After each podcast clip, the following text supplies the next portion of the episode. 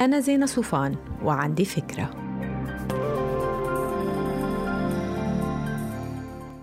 هاي بتحسوا بالحرمان وبالفقر لما بتشدوا ايدكم وما بتصرفوا كتير؟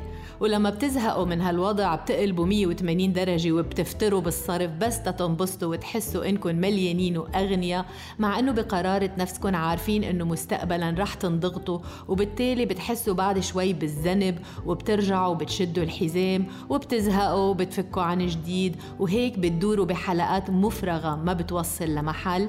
الحل والعقدة بعقلكم وال mindset هو اللي لازم يتغير. ليش بنحس إنه نحن مبسوطين لما بنصرف؟ لأنه عنا حرية الاختيار. القدرة على الاختيار بترجمها العقل على إنها مرادف للتحرر وعكسها بيعني مباشرة القيد يلي ما حدا بحبه. هون المطلوب إنه نطلع من النظرة الضيقة ونوسع أفق الرؤية.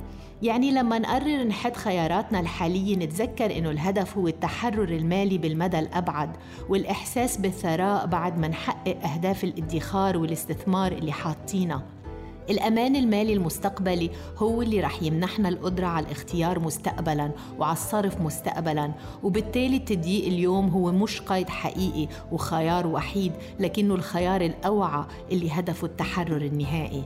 والخيارات الواعية بتبدأ بالسوبر ماركت وبتمر بال shopping وما بتنتهي بالسيارة والسفر. والإحساس بالغنى بيجي من أشياء كتير غير السلوك الاستهلاكي. بيجي من عمرنا اللي بنصرفه بذكاء على تجارب جديدة وعلاقات إنسانية عميقة ولحظات استمتاع بجمال الحياة ونعمة الحياة هلأ وهون. فكروا فيها. ما تنسوا تعملوا download للفكرة؟ تعطوها rating وتساعدوني بنشرها. bye